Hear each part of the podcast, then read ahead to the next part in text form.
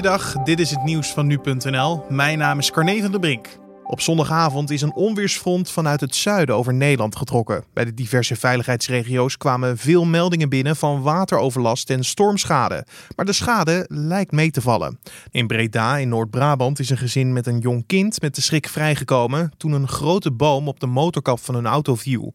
In Noord-Holland heeft het onweer en de regen op diverse plekken geleid tot wateroverlast. In Utrecht zijn tientallen meldingen binnengekomen van stormschade. En in Overijssel is vooral de regio Twente het sterkst getroffen. Bij twee woningen in Hengelo is de bliksem ingeslagen.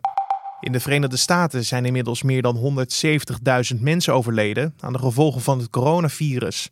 Dat blijkt uit cijfers van de Johns Hopkins University. De staten Florida, Texas en Louisiana worden momenteel het hardst getroffen. In Texas zijn inmiddels meer dan 10.000 mensen overleden aan de gevolgen van COVID-19. De VS voert de wereldwijde ranglijst aan wat betreft de hoeveelheid coronadoden, gevolgd door Brazilië en Mexico. Wereldwijd zijn ruim 770.000 mensen overleden aan de gevolgen van het virus.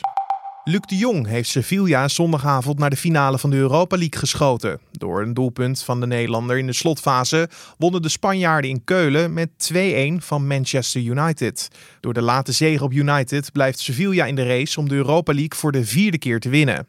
Sevilla wacht komende vrijdag in de finale een krachtmeting met Internationale of Shakhtar Donetsk, die vandaag tegen elkaar spelen.